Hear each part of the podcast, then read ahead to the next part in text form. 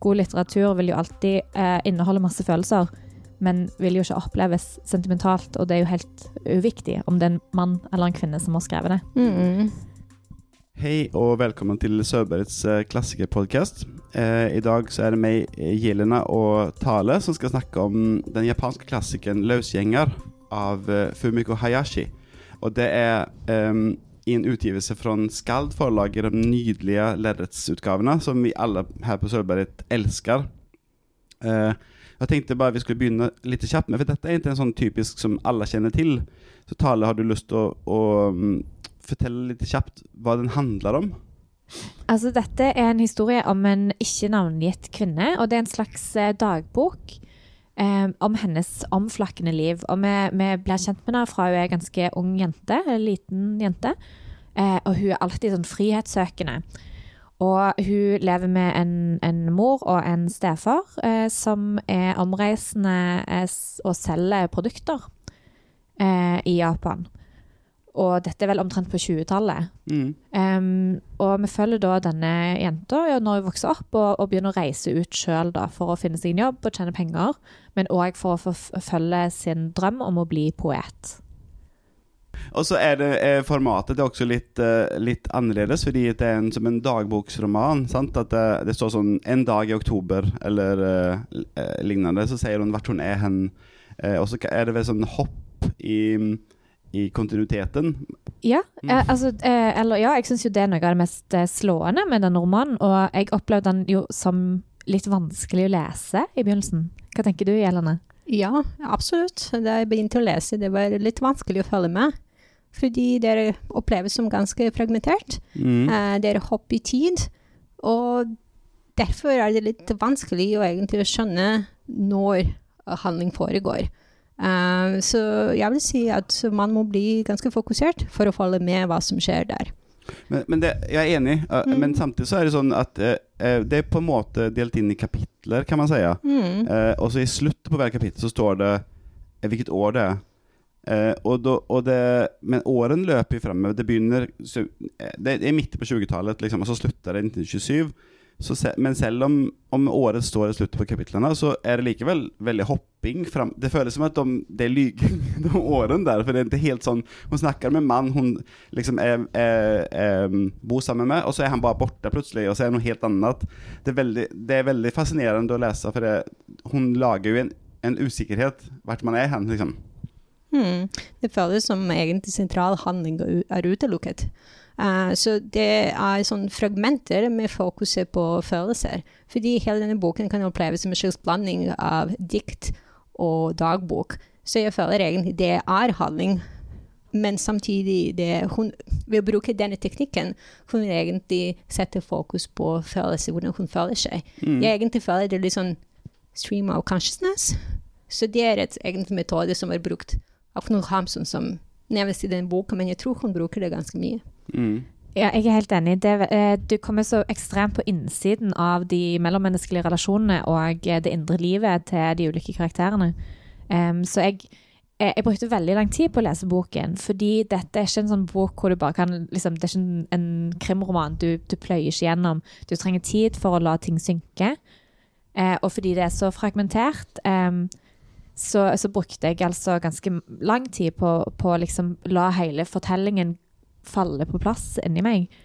Og det er ikke så ofte jeg opplever det, men jeg synes når jeg leste det, så var jeg litt irritert. Fordi, det, fordi det var så vanskelig å følge med. Men eh, i ettertid så har historien virkelig vokst på meg. Absolutt, jeg føler det samme. Fordi man må egentlig ta litt tid for å la historien synke inn. Og da egentlig du kan sette pris på teknikken som har brukt. Um, Men jeg føler egentlig at da jeg har lest dette, jeg var også irritert som deg, men i etterkant var jeg OK, nå jeg føler jeg har fått noe av det. Jeg har lest noe som jeg har ikke lest tidligere. Og egentlig det er det første jap verk, eh, japansk litteratur som jeg har lest. Og jeg var sånn OK, nå egentlig må anstrenge seg litt intellektuelt Mm. eh, for å få ut mest av uh, denne boka. Ja, veldig kjekt. Men samtidig så er det jo ikke komplisert, må vi si. Sant? Det er ikke Nei, sånn er komplisert språk, og, og det er veldig sånn rett fram handlinger ofte. Um, men, men det er den der hoppingen, da. Altså bakgrunnsrammen for fortellingen som, som gjør det litt vanskelig å eh, Ja, som, tre, som, trenger den tiden som vi har snakket om, da.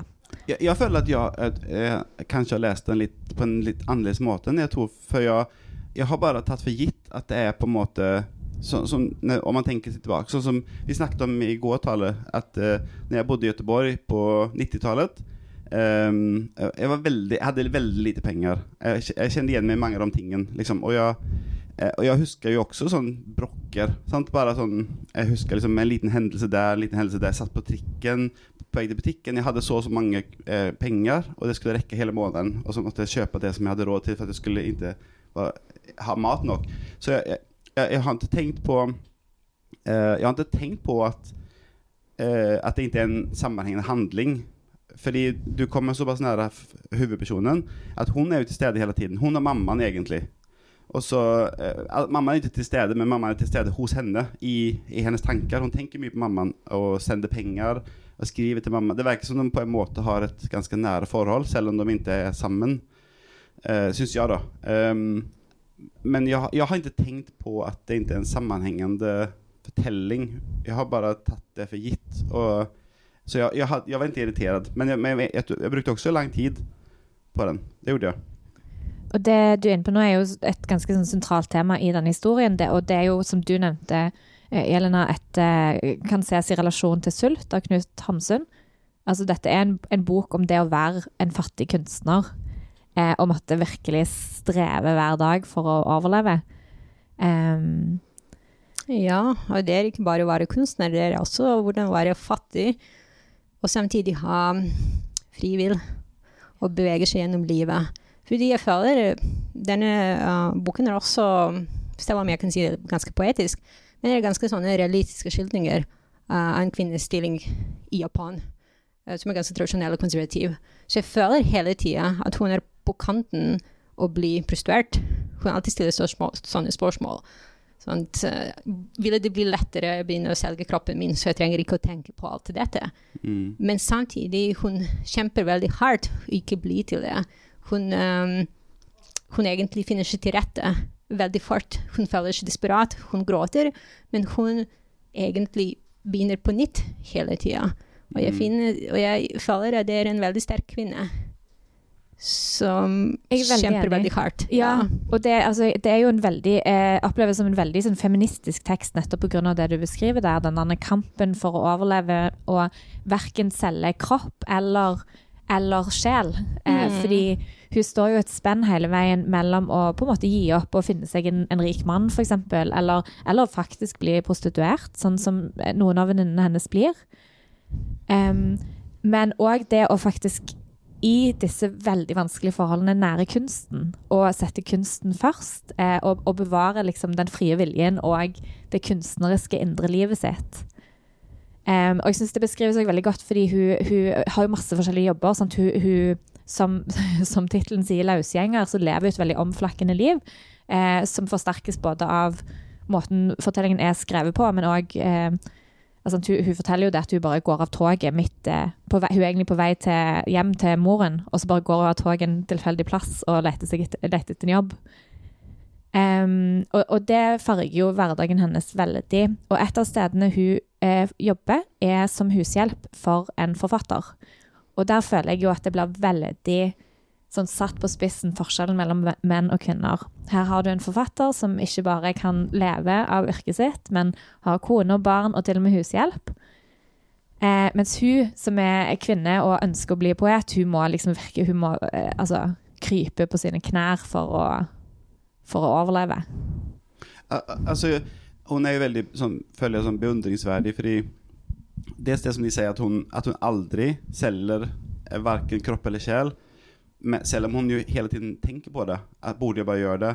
Og, og også blandet med følelsen om at jeg orker ikke lenger. Jeg, jeg vil, det beste hadde vært å dø, liksom, for jeg orker ikke mer. Men så plutselig er hun glad og oppåt, og så er det eviga flackandet då med hem, hem till mamman eh, och så tillbaka igen. Ett an, och så ett nytt sted hela tiden. Men så, så får man, hon säger ju inte så mye personlig. Hon, hon tegner seg på det seg selv gjennom hur hon blir møtt, på en måte, føler jeg da. Og hun får jo hele tiden ve veldig raskt, virker som, nye venner. som, som hun har et veldig nære forhold til veldig raskt, på en måte. Og det sier jo noe om henne, da. Og at hun også eh, tross alt halvveis forsørger seg som, som forfatter, selv om det er med barne, hun skriver barnetekster og sånn, at, eh, at hun egentlig vil skrive noe godt. Men, men hun, hun er jo halvveis der, på en måte. Så hun eh, Jeg, jeg syns hun er sånn, veldig sånn eh, Det er et stenhårt liv, men hun gir ikke opp. Og klarer å, å beholde seg selv, liksom. Um, altså eh, Det med at det er en at Det tilhører en, den um, feministiske litteraturens kanon. Eh, og så har vi snakket litt om det, har ni begge to forklart hvorfor. Og så når jeg leste liksom om denne boken på forhånd, så på Wikipedia så står det at eh, på fram til 80-tallet så ble kvinnelitteratur behandlet som en A-till-kategori fra en annen moderne japansk litteratur. Eh, fordi det var veldig populært, men det var altfor sentimentalt. Og det er jo eh, Altså, hun, hun eh, har jo sånn mesterstykke i at hun beveger seg jo veldig nære det som kan være sentimentalt, men hun er jo ikke sentimental. Det er jo, jo hardt, og sånn som en av de tingene jeg tenkte på, var eh, En venninne til henne forteller om eh, at hun ble solgt Når hun var tolv år, ble hun kidnappa, solgt, eh, tatt med til Kina, solgt som geisha. Eh, og Da var hun tolv år, og så var hun der i seks år, og så kom, klarte hun å komme seg vekk. da Og det bare, blir bare sagt i forbigående. Det blir ikke liksom det er et faktum, bare, uh, å ikke kommentere på. Så det er jo overhodet ikke sentimentalt. Men føler ni at det å lese noe sånt, som egentlig snakker om ganske harde ting, men som ikke dveler ved det, liksom. Gikk det inn på er, eller hvordan var det? Jeg følte at det som hun gjør, uh, denne teknikken uh, At hun egentlig Det var en slags parodi av denne dagbok. Uh, som en tradisjonell form. Mm. og da du leser henne, du føler at ja, det er sentimentalt. Hun gråter hele tida, og jeg tenkte meg ha-ha, det er litt morsomt. Men egentlig, hun egentlig beskriver et veldig brutale trekk ved det japanske ja. samfunnet. Og det er noe som slår veldig Uh, og jeg tror egentlig ved å lese denne boka jeg følte at det påvirket meg veldig mm. mye. Og jeg føler um, det er egentlig en slags opprør. Uh, japansk samfunnet, særlig på denne tida, det var ganske tradisjonelt og man kan si oppressivt når det gjelder kvinner. Men det som hun gjør, egentlig hun prøver å belyse uh, omstendighetene omstendighetene i dette tidspunktet, historiske. Og jeg syns hun egentlig hører til denne uh, feministiske kanonen. Mm. Definitivt. Mm. Altså, må jeg jo si, jeg kjenner jo ikke mm, japansk litteratur, men jeg opplever jo det, det skillet man har satt der som ganske kunstig, antageligvis. Eh, og dette er jo altså det skillet mellom liksom kvinnelitteratur og annen litteratur, ja. og mm. sentimentalt og ikke sentimentalt. Fordi god litteratur vil jo alltid eh, inneholde masse følelser men vil jo ikke oppleves sentimentalt, og det er jo helt uviktig om det er en mann eller en kvinne som har skrevet det. Mm. Jeg, tror, jeg, jeg, jeg, mener, jeg tror ikke at noen holder med om den kategoriseringen, altså. Men jeg hadde bare egentlig lyst til å snakke Ja, jeg syns òg det du sier om, om kritikk mot eh, storsamfunnet er, er, veldig håndfast. Og det ble jo trukket fram i um, epilogen et sånt eksempel hvor hun har skrevet et dikt om det veldig kjente japanske fjellet som heter Fuji. Ja. Um, hvor hun liksom Det blir ofte løfta fram som et sånn nasjonalt symbol som man skal være stolt av, og eh, liksom blir lovprist eh, i japansk tradisjonell litteratur, mens eh, hun her løfter det fram som et symbol på, på en måte overmakten og staten og patriarkatet. Og hun stiller seg breibeint opp og, og går imot, da. Eh, så jeg føler hun, veldig, hun, uttaler veldig konkret at eh, her er det masse kritikk mm. mot samfunnet hun lever i. Ja, det er, men jeg er ikke sikker. Så man, når man ser på litteratur, og når det er diskusjon om dette hva feministisk er Jeg følte ikke da jeg leste denne boka, det var sånn klar Det, det er en slags politisk appell. La oss forandre samfunnet. Mm. Uh, jeg følte ikke det var sånt, um, et slags program i denne boka. Uh, men hvis vi ser at feministisk litteratur egentlig er den type litteratur som viser verden fra et kvinnelig perspektiv, da kan vi si ja, definitivt, det er feministisk. Altså, jeg føler også hun blir altså, Hun møter jo De fleste hun kommer i nære kontakt med, er jo relativt fattige, men det er også en sånn omtanke mellom det, altså, de gir en skål med ris til hverandre, eller de støtter hverandre eh, mentalt. Det er en veldig sånn kjærlighet på eh, de som är drittsäckar är de som är ett, ett nivå upp liksom. Den, eh, en, hon hade en skuespillermann som bare var utro eller de, de, som, de som sitter ved makten på en måte, de, de sparker nedover. Uh, og der, men når, når du nevnte skuespillermannen, så kom jeg på at det syns jeg jo òg er interessant i den romanen. Um, og det passer jo inn i den fragmenterte stilen, men hun navngir aldri elskerne sine eller Ja. kjærestene sine. Em, altså alle vennene får navn og på en måte historier, mens, mens mange av kjærestene, som jo egentlig er veldig viktige mennesker i våre liv, de blir på en måte bare eh, veldig overfladisk beskrevet. Og det syns jeg òg er interessant da, å tenke oi, eh, shit, hun gjorde dette. Den måten skrev hun om menn eh, på 1920-tallet. Eh, Ja. Jeg synes hun har veldig turbulent eh, kjærlighetsliv. Ja, Rett, rett og slett, fordi det føles som det er sånn elskere fra fortiden som forfølger henne. Hun ser dem overalt. Ja, og så vet jeg aldri, er det den samme mannen? Har jo liksom, hvor mange menn er det egentlig snakk om her? Er det eh, sånn et on-off-forhold, eller er det mange forskjellige? Jeg, jeg synes også, eh, altså, vi, vi, har, eh, vi har ikke sagt så mye om det, men at hun eh, Den er ganske morsom på en måte. Sant? Sånn som en gang det kommer inn på eh, Det var ikke et Hun er hjemme hos sine foreldre, og så har de truffet en mann som de syns at hun skal gifte seg med. Han vil ikke se med henne. Han har ikke ens sett henne. Liksom. Han, eh, hun, det høres interessant ut. Og så sier hun, når hun tenker på han da, før hun har truffet ham, så er hun kjempe eh, sånn ekstatisk og gleder seg som en unge. Og så sier hun sånn Jeg kjente meg som en glupsk kålorm eller en råtta, klar til å suge i meg mannens blod.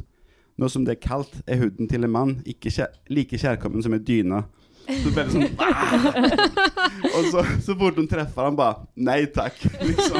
Det vil hun ikke likevel. Og så tenker, på vei til å treffe han så tenker hun også Nei, jeg går på toget heller. Så hun har veldig sånn fram og tilbake. Hun vil jo absolutt ikke bli eid eller stå i gjeld til eh, menn.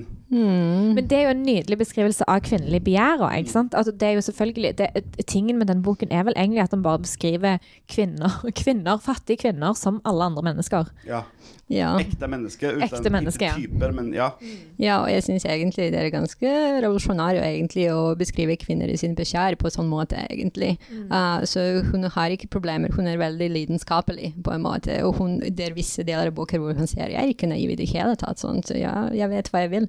Og det, jeg synes det var veldig interessant å lese det, egentlig. Ja. Mm. Og så syns jeg òg egentlig at hele liksom, greia med familiekonstellasjonene, eh, sånn som du var inne på tidligere, Thomas, med venner, at hun får veldig nære relasjoner til venner veldig fort. Og det syns jeg jo er veldig gjenkjennelig i vårt samfunn i dag, hvor du på en måte velger familien din kanskje i større grad enn man gjorde før. Eh, at mange sier feirer jul med venner istedenfor, fordi at de har et bedre forhold til den valgte familien. Eh, og det får jeg litt en følelse av her òg.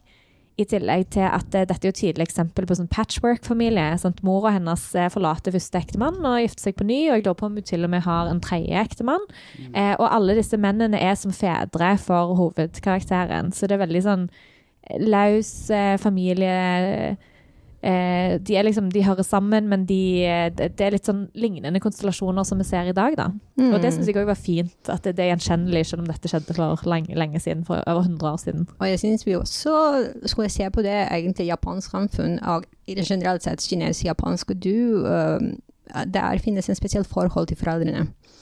Så hvor man egentlig er knyttet til dem, og egentlig det, um, det er forventet av deg egentlig du skal ta seg av foreldrene sine. Jeg synes det er fremdeles litt sånn. Uh, så jeg føler at hun selvfølgelig er veldig glad i mora si, og knyttet til henne, uh, men hun er veldig selvstendig. Hun egentlig vil til Tokyo. Hun vil bli forfatter, uh, og hun tydeligvis kjemper for sin frihet. Um, så ja. Ja, sånn Istedenfor å bli hjemme og passe på syke gamle foreldre. Det er et kjempegodt poeng. Mm. Men, eh, men også, det er jo et godt tegn, for det er jo også veldig sånn eh, en del av på en måte den tunge arven med å være fattig. At først så, så jobber foreldrene dine livet av seg for å holde deg i live, og når du blir voksen, så må jo du gjøre det samme fordi det fins ikke noe eh, nettverk eller noe system som passer på folk for deg. Du, du må liksom klare deg sjøl og støtte opp under din familie. Mm. Og det jeg tenkte når jeg leste denne boken, var sånn Å, fy søren, denne dama hadde trengt et Statens kunstnerstipend. Uten tvil. Men um, en av de tingene jeg tenkte på når jeg leste, var at den den er jo 100 år gammel, men den føles jo ikke gammeldags på noen måte. Det, det føles helt klart som det kunne vært eh, noen som kommer fra flytta til Paris for å bli forfattere, eller Oslo, eller som, en, en storby. Eh, det, det er noen ting som viser at det er gammelt, men nesten ingenting. Altså, det kjennes veldig modernt. Måten hun tenker på, og måten ting funker.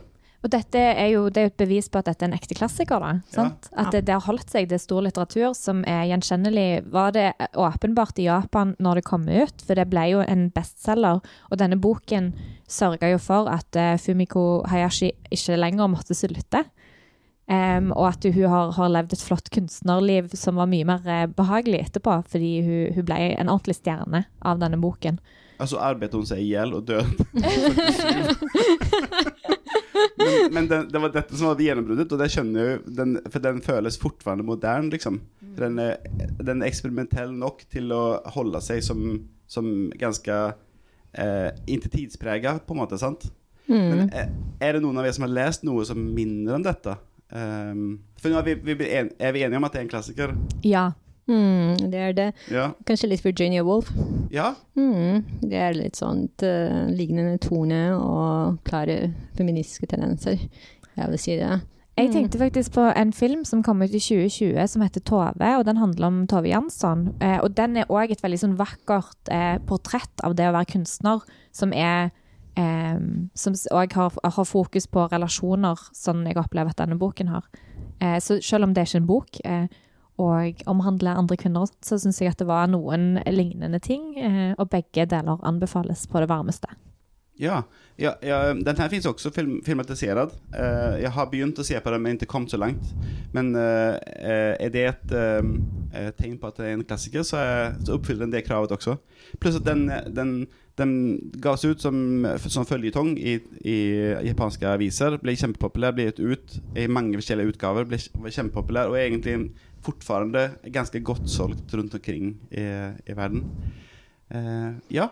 Og jeg vil også anbefale, hvis dere sjekker YouTube, at dere kan finne animasjonsfilmer som er basert uh, på denne boka. Det er veldig interessant å se på. Og anime som sjanger er veldig interessant, særlig hvis det tar opp et sånt emne. Mm. Mm. Tusen takk. Så bra tips på slutten. Takk for at dere kom.